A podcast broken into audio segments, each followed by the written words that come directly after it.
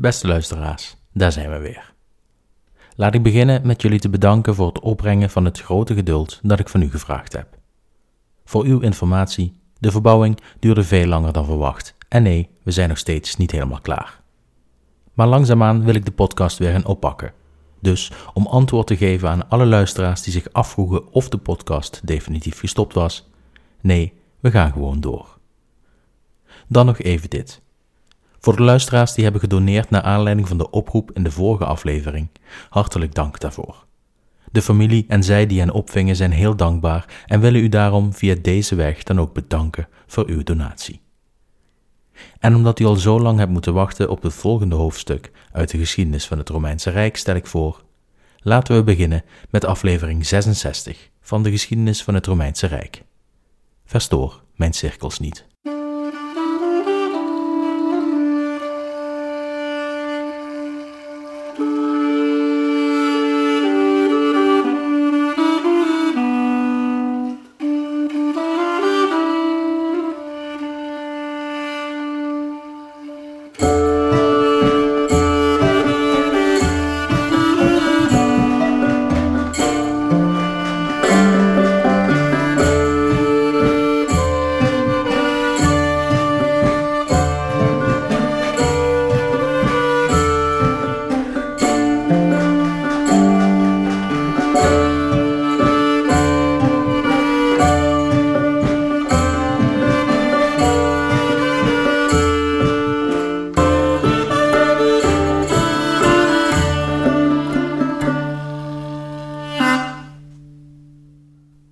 Na de invasie van Hannibal, de door Rome verloren veldslagen bij het Trasimeense meer en Cannae, de worsteling op het Italiaanse schiereiland en de Macedonische oorlog, zijn we nu aanbeland bij het hoofdstuk Sicilië, met in de hoofdrol de bondgenoot van Rome, de stad Syracuse.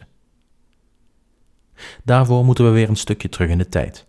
We sloten de vorige aflevering af in 205 voor Christus, toen de vrede van Phonike werd getekend tussen het koninkrijk Macedonië en de Griekse bondgenoten waar ook Rome toe behoorde. Het maakte een einde aan de Eerste Macedonische Oorlog, die had geduurd van 214 tot 205 voor Christus. Het hoofdstuk waar we het vandaag over gaan hebben speelde zich af tussen 215 en 213 voor Christus. Vanaf de Eerste Punische Oorlog, zo'n 50 jaar voor het onderwerp van deze aflevering, had de Griekse stadstaat Syracuse, hedendaags Syracusa aan de Siciliaanse zuidoostkust, zich als een trouwe bondgenoot van Rome gedragen.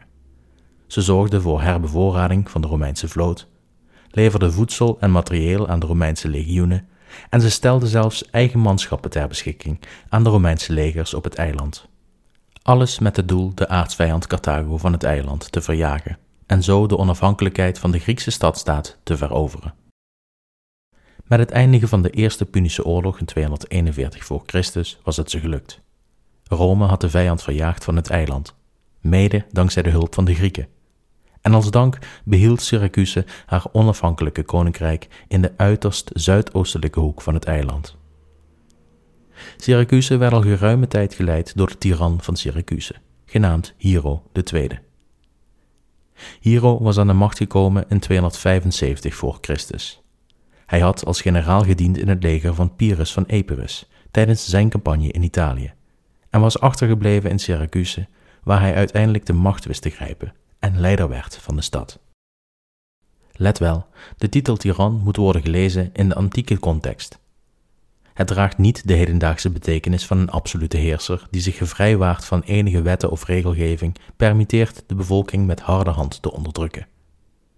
Tiran is, in de antieke context, niet meer dan een persoon die aan de macht is gekomen via een andere weg dan de gebruikelijke. Hij was namelijk aan de macht gekomen doordat het volk van Syracuse hem tot koning had gekroond, nadat hij de Mamertijnen versloeg in de slag bij Mylae, net voor de Eerste Punische Oorlog. Hoe dan ook, Hero II toonde zich tijdens zijn heerschappij een betrouwbaar bondgenoot van de Romeinen. Ondanks dat hij als generaal had gevochten tegen de Romeinen onder Pyrrhus en later ook nog eens aan de zijde van de Carthagers in de beginfase van de Eerste Punische Oorlog, was hij daarna een van Rome's trouwste bondgenoten. Ook toen de tijden voor Rome wanhopig waren, zoals tijdens de invasie van Hannibal, had Hero zich een trouwe bondgenoot getoond, door niet met de Carthagers te onderhandelen en Rome te blijven steunen. Maar zoals een ieder van ons ooit het lot van het leven zal moeten aanvaarden, kwam dat lot ook voor Hero steeds dichterbij. Hij was geboren rond 308 voor Christus, wat maakt dat hij tijdens het uitbreken van de Tweede Punische Oorlog tussen de 70 en 90 winters oud moet zijn geweest. Toen de Tweede Punische Oorlog drie jaren onderweg was, overleed hij in 215 voor Christus, en met hem de stabiliteit die zijn heerschappij de stad voor 50 jaren had gebracht. Zijn 15-jarige zoon, Hieronymus, volgde hem op. De jongen was nog niet droog achter de oren en het zou een hele kluif worden om de kunst van politiek in de Griekse polis te bemeesteren. Omdat Hieronymus nog zo jong was, werd hij tijdens zijn heerschappij bijgestaan door een raad van adviseurs, ervaren mannen die allemaal een eigen, vaak dubbele agenda erop nahielden. Vrijwel direct na Hieronymus zijn troonbestijging brak de strijd tussen de verschillende facties onder zijn adviseurs in alle hevigheid los. Hieronymus bleek in zijn hele lijf minder politieke kunde te bezitten dan zijn vader had in zijn teen, en het lukte hem niet om grip te krijgen op de politieke chaos die hem omwikkelde. Het ontbrak Hieronymus echter niet aan plannen.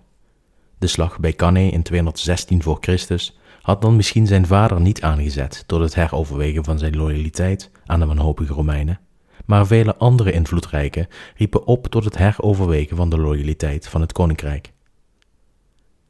Waarschijnlijk onder invloed van een van deze facties begon hij in 215 voor Christus te onderhandelen met Hannibal en later direct met Carthago zelf.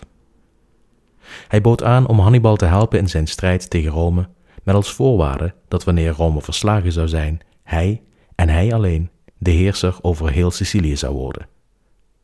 Zijn plannen kwamen nooit tot uitvoering, want na slechts dertien maanden als koning werd hij in 214 voor Christus vermoord door een van de politieke facties binnen zijn koninkrijk. Zijn oom Adronodoros werd benoemd tot nieuwe koning, maar ook hij, net als veel van het overige nageslacht van Hero, viel ten prooi aan een golf van politieke moorden die Syracuse rond deze tijd teisterden. De stad zat in een machtsvacuum, ontstaan door de moorden op alle geschikte opvolgers in de lijn van Hero II en zijn zoon Hieronymus. Dit vacuüm werd in 214 voor Christus gevuld door twee broers, genaamd Hippocrates en Epicides. Zij waren afstammelingen van een uit Syracuse verbannen Griek die zijn toevlucht had gezocht in Carthago. Ze maakten deel uit van de entourage die door Hannibal naar Syracuse waren gestuurd om te onderhandelen met Hieronymus over zijn steun aan Carthago. De twee werden door gebrek aan geschikte leiders verkozen tot de twee hoogste magistraten van Syracuse, wat een einde maakte aan de monarchie van de stad en hen liet terugkeren naar de tijden van de republiek. Ook voor de broers bleek de politieke instabiliteit van Syracuse te veel. Tegenstanders van de broers, verenigd in verschillende facties, maakten het hen te moeilijk om effectief te heersen. En Hippocrates vertrok met een leger van huurlingen en overgelopen Romeinse soldaten, die toch al een hekel hadden aan Rome, naar de stad Leontini, een stad binnen het koninkrijk aan de oostkust van Sicilië en al hier riep hij de onafhankelijkheid van de stad uit, met hem en zijn broer als heersers. Vrijwel direct na het uitroepen van hun eigen stadstaat begonnen de broers met het aanvallen van Romeinse nederzettingen en het plunderen van Romeins grondgebied. Rome werd al vrij snel ingelicht door Syracuse over het feit dat zij de controle over Leontini waren verloren en dat de stad geleid werd door een stel aan Rome-vijandelijke tirannen. Rome kon deze provocatie natuurlijk niet onbeantwoord laten, en ze stuurde consul Marcus Claudius Marcellus naar Sicilië met een leger. Marcellus liet er geen gras over groeien, en hij gaf direct bevel om Leontini te belegeren en vervolgens te bestormen. De stad viel. De Romeinen wilden een voorbeeld stellen aan iedereen die flirtte met de gedachte om Rome de rug toe te keren. En dus werden alle overlevende vijandelijke soldaten bestraft met zweepslagen om vervolgens onthoofd te worden. Vrijwel het volledige leger van de broers viel ten prooi aan de wraak van Rome, maar de broers zelf wisten te ontsnappen. Na hun ontsnapping voegden ze zich bij een leger van 8000 soldaten die vanuit Syracuse onderweg waren naar Leontini om de Romeinen te helpen bij het neerslaan van de rebellie. Onder de valse bewering dat de Romeinen de volledige stad, inclusief haar Griekse inwoners, hadden uitgemoord als wraak, wisten ze de soldaten te overtuigen dat Rome de kwaadaardige vijand was De soldaten sloten zich bij de broers aan. Hun eerste bevel was een mars naar Syracuse, om de macht te grijpen van de Rome zo gunstig gezinde facties. Immers waren ook zij schuldig aan de zogenaamde moord op de bevolking van Leontini. Het leger van de broers trok de stad binnen en zonder al te veel tegenstand grepen de broers de macht over de stad en lieten ze alles wat hen eerder in de weg had gestaan vermoorden. De volledige heerschappij over het koninkrijk Syracuse was nu veiliggesteld en een oorlog met Rome werd onvermijdelijk. Het duurde niet lang voordat de Romeinen een poging deden de stad te veroveren. In 213 voor Christus startten proconsul Marcellus, die eerder Leontini veroverde, en propraetor Appius Claudius Pulcher de belegering van Syracuse. Marcellus leidde de aanval over zee en Pulcher leidde het landleger. Marcellus had speciaal voor de aanval vanuit zee zijn schepen aangepast. Hij liet aan zijn schepen aan één zijde de roeiarmen verwijderen, waardoor ze aan elkaar gebonden konden worden voor meer stabiliteit. Stabiliteit die nodig was om een zware takelladder op het dek te kunnen monteren, die geschikt zou zijn om de hoge stadsmuren, die ver boven de golven uitstegen, te kunnen beklimmen. Deze constructie is bekend geworden onder de naam Sambuca, vernoemd naar het instrument waar het uiterlijke gelijkenissen mee vertoonde. De ladder was met touwen verbonden aan de mast van het schip, en wanneer men zich dicht bij de stadsmuren bevond, werden de ladders losgelaten en vielen ze tegen de stadsmuren aan. Eenzelfde idee als de loopbruggen die de Romeinen tijdens de Eerste Punische Oorlog op hun schepen hadden gemonteerd. Pulcher zou gelijktijdig aan Marcellus de stadsmuren bestormen via land. Ook hij was creatief geweest. Hij had voor de bestorming speciale belegeringstorens laten maken. Twee torens van waar Romeinse soldaten de vijand op de muren konden bestoken met pijlen en andere projectielen, terwijl in het midden een ladder gemonteerd was waarmee de soldaten op de grond de muren konden beklimmen. Aan goede voorbereiding geen gebrek, en dus was de bestorming een eitje. De stad viel en Marcellus kreeg een triomftocht, zou je denken. Maar niets bleek minder waar. De stadsmuren van Syracuse bleken een te groot obstakel. Ze waren in de eeuwen ervoor meermaals verhoogd en versterkt door verschillende tirannen, waaronder ook Hero II. En ze waren bezaaid met artillerie, zoals katapulten, de torsion, ballista's en dergelijke. Geschut dat de Grieken als geen ander konden maken en gebruiken zoals in de wijde antieke wereld bekend. De Romeinen kwamen in hun mars naar de stadsmuren onder hevig vuur te liggen van al deze apparaten, en niet te vergeten pijlen, speren, stenen en alles wat voor de verdedigers voorhanden was. De verdediging was zo goed georganiseerd dat de Romeinen in verschillende linies constant onder vuur kwamen te liggen. De Romeinen hadden grote moeite om in de buurt van de stadsmuren te komen, en eenmaal daar was het vijandelijk vuur zo hevig dat in poging om de muren te overmeesteren onbegonnen werk bleek. De aanval via land liep op niets uit. Op zee verging het de Romeinen niet anders.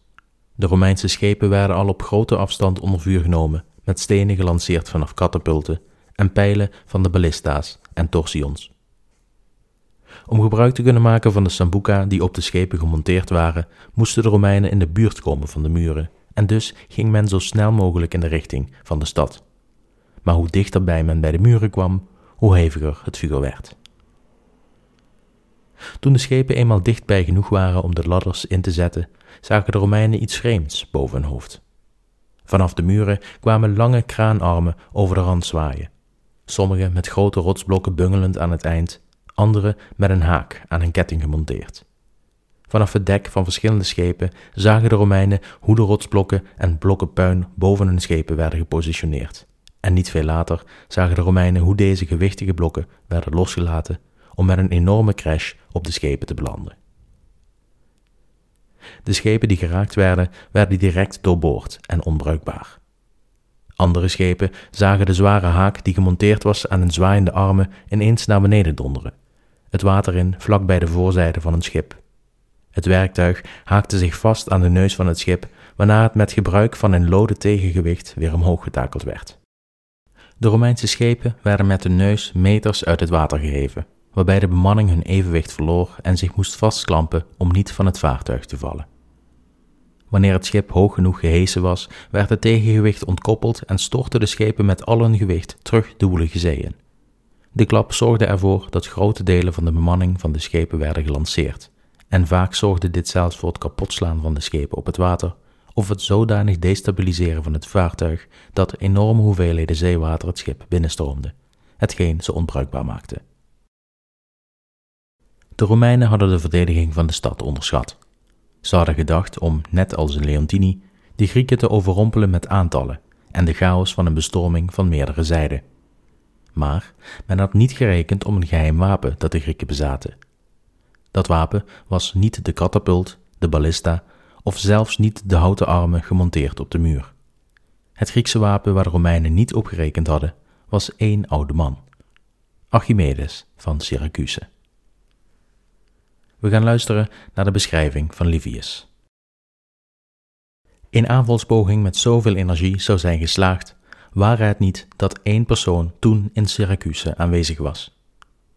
Die persoon was Archimedes, een man met een ongeëvenaarde vaardigheid in het observeren van de hemel en de sterren, maar meer bewondering verdiende als de uitvinder en bouwer van oorlogsmachines en werken, waarmee hij met een zeer inspanning belachelijk maakte wat de vijand met grote moeite had bewerkstelligd. Archimedes dus. Als u bekend bent in de wiskundige wereld, kent u deze man al. Maar voor hen die voor het eerst zijn naam horen, Archimedes was een Griekse wiskundige, natuurkundige, ingenieur, uitvinder en sterrenkundige. Hij wordt beschouwd als de grootste wiskundige van de oudheid en een van de grootste aller tijden. U kent hem misschien van de term Eureka, toen Hero II nog aan de macht was, liet hij een gouden kroon vervaardigen door een edelsmid in de stad. Hij wilde een kroon die gemaakt was van puur goud, en hij gaf de edelsmid uit de stad het benodigde goud om zijn kroon te kunnen vervaardigen. Echter, toen de kroon werd geleverd, twijfelde Hero aan de kwaliteit van zijn kroon. Hij vermoedde dat de edelsmid hem bedroog en dat de kroon niet uitsluitend uit goud bestond, maar dat hij andere materialen had gebruikt en een deel van het goud dat Hero hem had gegeven voor zichzelf hield. Hij kon het alleen niet bewijzen. Hij liet Archimedes bij hem komen en gaf hem de opdracht uit te zoeken of er inderdaad met de kroon gesjoemeld was, zoals hij vermoedde. Archimedes nam de opdracht aan en kraakte zijn brein over hoe uit te zoeken of hetgeen Hero vermoedde waar was. Hero wilde niet dat de kroon enigszins beschadigd zou raken en dus kon Archimedes de kroon niet omsmelten naar een massief stuk metaal om zo de dichtheid te kunnen meten. Een manier die toen tijd gebruikelijk was om de dichtheid van een object te achterhalen. Zonder in te gaan op de details, zoekt u daarvoor naar de wet van Archimedes op Wikipedia. Realiseerde Archimedes bij het nemen van een bad dat het waterpeil in het bad steeg toen hij erin stapte. Hij realiseerde dat de hoeveelheid water dat verplaatste gelijk was aan de massa van het object, in dit geval zijn lichaam, dat werd ondergedompeld. Door de massa van de kroon te delen door het verplaatste watervolume kon de dichtheid van de kroon worden berekend. Deze dichtheid zou lager zijn dan die van goud als er goedkopere en minder dichte metalen waren toegevoegd. Toen hem dit duidelijk werd, sprong hij in zijn enthousiasme uit bad, vergat zich aan te kleden en rende hij naakt door de straten terwijl hij euforisch Eureka riep, wat betekent ik heb het gevonden of ik heb het. De wet van Archimedes toonde aan dat de edelsmid inderdaad had gesjoemeld met de metalen en dat hij het minder kostbare en minder dichte zilver had gebruikt voor een deel van de kroon. Wat er vervolgens met de edelsmid is gebeurd, is mij onbekend. Archimedes was dus een briljante geest, niet alleen in de wis- en natuurkunde, maar ook in het ontwerpen van oorlogsmateriaal. Dankzij hem, en volgens Livius hem alleen, kon Syracuse de aanvallen van de Romeinen met gemak doorstaan. Na hevige Romeinse verliezen besloot Marcellus om de bestorming af te blazen en van tactiek te wisselen. Hij zou niet langer pogen de stad te bestormen, maar koos ervoor om de stad te omsingelen en hen in overgave te dwingen door middel van uithongering. De Romeinse schepen blokkeerden de toegang tot de haven van Syracuse, terwijl het landleger de routes via land blokkeerde. Het was de Romeinen niet gelukt de stad snel te veroveren, en dus koos men voor een tactiek van lange adem. Toen nieuws Marcellus bereikte dat de Carthagers met een 25.000 talent leger was geland aan de zuidkust van Sicilië, nabij Heraclea Minoa, werd de situatie precair voor de Romeinen. Onder leiding van Himilco trokken de Carthagers direct richting Agrigentum, die hen waarschijnlijk met open armen ontving. Toen ook nog bleek dat Hippocrates de blokkade van Syracuse had weten te ontglippen en 10.000 troepen had verzameld in het binnenland, moest Marcellus iets doen om te voorkomen dat zijn leger vast kwam te zitten tussen de belegerde stad en de vijand. Hij trok met een derde van zijn leger in de richting van de locatie van het kamp van Hippocrates, en met een verrassingsaanval wist hij het kamp te overrompelen. Slechts Hippocrates wist uit het kamp te ontsnappen, samen met 500 ruiters. Hij voegde zich bij Himilco en Marcellus trok terug naar Syracuse, met de Carthagers nu op zijn hielen. Het feit dat Hippocrates had weten te ontsnappen uit de omsingeling van Syracuse laat zien dat de Romeinse blokkade allesbehalve waterdicht was. Dit verklaart ook waarom de Carthagers erin slaagden om met 55 schepen de haven van Syracuse te bereiken, ondanks de Romeinse zeeblokkade, om de stad te kunnen bevoorraden met voedsel en materieel. Marcellus had het geluk dat in deze moeilijke situatie zijn leger werd aangevuld met nog een extra legioen. Zijn leger telde nu grotere aantallen dan dat van Carthago, en dus kon hij zijn belegering voortzetten in de wetenschap dat hij een Carthaagse aanval in de rug kon afslaan. Himilco trok al snel weer weg van Syracuse, en hij deed omliggende steden aan in een poging hen over te halen om zich bij de anti-Romeinse coalitie aan te sluiten. Vele steden sloten zich bij hem aan, zeker nadat bekend werd dat de commandant van het Romeinse garnizoen in Enna bevel had gegeven een groot deel van de bevolking van Enna te doden op verdenking van verraad. Himilco deed een poging de Romeinen weg te lokken bij Syracuse, door een aantal agressieve schijnbewegingen in de richting van Syracuse te maken. Maar Marcellus hapte niet. Terwijl de belegering van Syracuse voortduurde, komen we in het jaar 212 voor Christus. En Marcellus bedenkt dat een verrassingsaanval wellicht de sleutel is tot de stad. Hij stuurt onderhandelaars naar de stadsmuren om te praten over het uitwisselen van krijgsgevangenen. Terwijl de onderhandelingen plaats hadden aan de stadspoorten, telde een van de Romeinse gezanten het aantal rijen aan gestapelde blokken waaruit de stadsmuur was opgebouwd. De blokken die in deze regio gebruikt werden voor de stadsmuren hadden allemaal dezelfde afmetingen, en dus was het een koud kunstje om met de kennis van de afmetingen van één blok de totale hoogte van de muur te berekenen.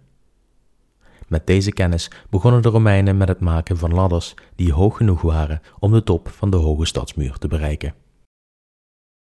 De tijd om de vijand te verrassen brak aan toen duidelijk werd dat de Grieken iets te vieren hadden. De Grieken vierden een festival voor de god Artemis, en Epicides had in het kader van de festiviteiten grote hoeveelheden wijn uitgedeeld aan zijn troepen en de bevolking, om het gebrek aan brood even te doen vergeten. De Grieken namen het ervan ze leefden al geruime tijd in angst en hadden het zwaar, en men smachtte naar een goede viering om de ellende van het moment even te vergeten. De wijn vloeide rijkelijk en de stadswacht verslapte in de loop van de nacht. De Romeinen hadden al geruime tijd geen poging ondernomen de stad aan te vallen, en al zouden ze het vannacht doen, dan nog zouden ze zich kapot slaan op de hoge, sterke stadsmuren van Syracuse. De wachters trokken de torens in om gebroedelijk met elkaar het festival te vieren onder het genot van een goed glas Siciliaanse wijn. Terwijl het feestgedruis tot buiten de stadsmuren wellicht te horen was, gaf Marcellus het teken. Zijn troepen bewogen zich in de richting van de stadsmuren en zetten hun nieuwe ladders tegen de muren. Het was gelukt. De ladders waren hoog genoeg en de Romeinse soldaten klommen naar boven. Het verzet op de muren was gering, en nog voordat de wachters in de torens goed en wel door hadden dat er Romeinen op de muur beland waren, hadden de Romeinen een poorthuis veroverd, waarna ze de poorten tot de stad wagenwijd openzetten voor de troepen die verdekt klaar stonden. De Romeinen spoelden door de poorten de stad binnen, en de dronken Grieken probeerden zich te verzetten tegen de plots in hun straten opgedoken Romeinen, maar het kwaad was al geschied. De Romeinen overspoelden het eerste deel van de stad en namen het over, terwijl Epicides en de rest van zijn troepen zich dieper terugtrokken in de stad.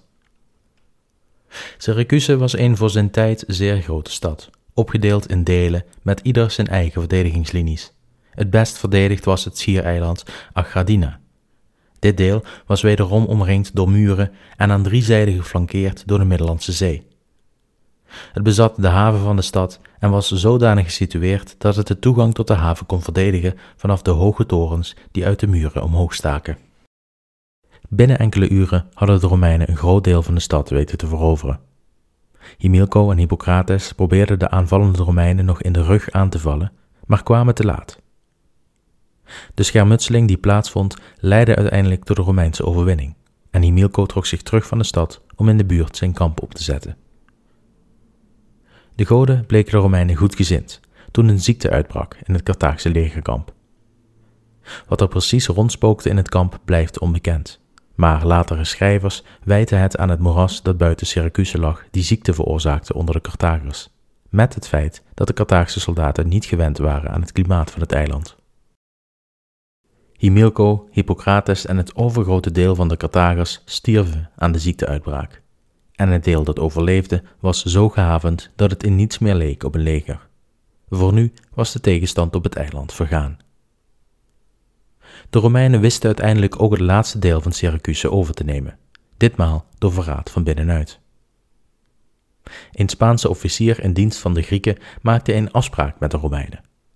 Hij zou een boot toelaten in de haven met daarin Romeinse mariniers verstopt. Zij zouden verzamelen bij een poort die door de officier geopend werd. De Romeinen stroomden het laatste vrije deel van de stad binnen, openden de poorten voor de rest van het leger en de stad viel. Archimedes bevond zich ook in het laatste stadsdeel Acherdina. Hij was een beroemd figuur in de antieke wereld en zijn genius werd door niemand miskend. Marcellus had bevel gegeven om Archimedes levend gevangen te nemen, wellicht voor later gebruik door de Romeinen zelf. Echter kwam een Romeinse soldaat in de chaos van de gevechten ineens langs een plek waar een oude man zat te tekenen in wat zand. Hij tekende cirkels met lijnen in het zand en zat zijn creatie zichtbaar te overpeinzen toen de Romeinse soldaat naar hem toestapte, waarbij hij de tekeningen in het zand verstoorde. De oude man keek plots kwaad op naar de soldaat en riep: Verstoor mijn cirkels niet. Waarna de Romeinse soldaat hem doodde. Die oude man bleek Archimedes. Hij stierf die dag in 212 voor Christus. Hij werd waarschijnlijk 75 jaar oud. De belegering van Syracuse had twee jaar geduurd. De stad werd zwaar geplunderd en talloze artefacten en kunstwerken werden uit de tempels gesloopt en teruggebracht naar Rome. De onafhankelijke stad werd er nu een onder Romeinse controle, net als zoveel andere steden in de Republiek. De oorlog op Sicilië was nog steeds niet voorbij. Wederom was er een Carthaags leger geland op de Siciliaanse kust, en om de zaken nog erger te maken had Epicides, als een soort Houdini, het wederom voor elkaar gekregen om door de Romeinse vingers te glippen. Hij sloot zich aan bij de overgebleven Carthagers op het eiland. Rome deed er nog zo'n twee jaren over om het eiland volledig terug te winnen. Het aantal overgelopen steden was behoorlijk, maar de nieuwe consul Levinus wist zo'n 60 steden terug te winnen, ofwel middels overgave, anderszins via verraad of bestorming. De Carthagers stuurden nog eenmaal een leger naar Sicilië, maar deze kon na verloop van tijd door de Romeinen worden vernietigd. Onderlinge rivaliteit tussen de Carthaagse bevelhebbers deed hen uiteindelijk de das om. Epicides herhaalde zijn kunstje en wist wederom te ontsnappen aan de Romeinen, ditmaal via zee. Hij reisde samen met Hanno, de nieuwe Carthaagse generaal op Sicilië, naar Carthago, waarna zijn naam nooit meer voorkomt in de bronnen. Levinus beklonk de oorlog op Sicilië in 210 voor Christus met een absolute zege. Het volledige eiland was nu in ferme controle van Rome. Levinus trok terug naar Rome en wist voor zichzelf het consulschap van het volgende jaar te winnen, terwijl Marcellus met de geplunderde pracht en praal en nog enkele gevangen olifanten door de straten van Rome trok voor zijn ovatie. Het was de Carthagers wederom niet gelukt om genoeg bondgenoten te verkrijgen op het eiland om het de Romeinen echt moeilijk te maken. Ondanks dat tientallen steden de ommezwaai maakten naar Carthago, bleef het overgrote deel loyaal aan Rome. Uit loyaliteit of uit angst, dat blijft onduidelijk. Feit blijft wel dat dit falen van Carthago ervoor heeft gezorgd dat Sicilië Romeins bleef en dat Hannibal uitermate moeilijk te bevoorraden bleef door het gebrek aan maritieme basis in Sicilië. En zo eindigt het hoofdstuk van een onafhankelijk Syracuse en de oorlog op Sicilië. In de volgende aflevering gaan we het hebben over Publius Cornelius Scipio en zijn campagne in Spanje. Dan rest mij nog Marianne Tedstone Glover en Integrity Publishing te bedanken voor het gebruik van The Music of Ancient Rome. U vindt meer informatie over haar muziek in de beschrijving van deze aflevering. En natuurlijk bedank ik ook, zoals altijd, u voor het luisteren. En tot de volgende keer.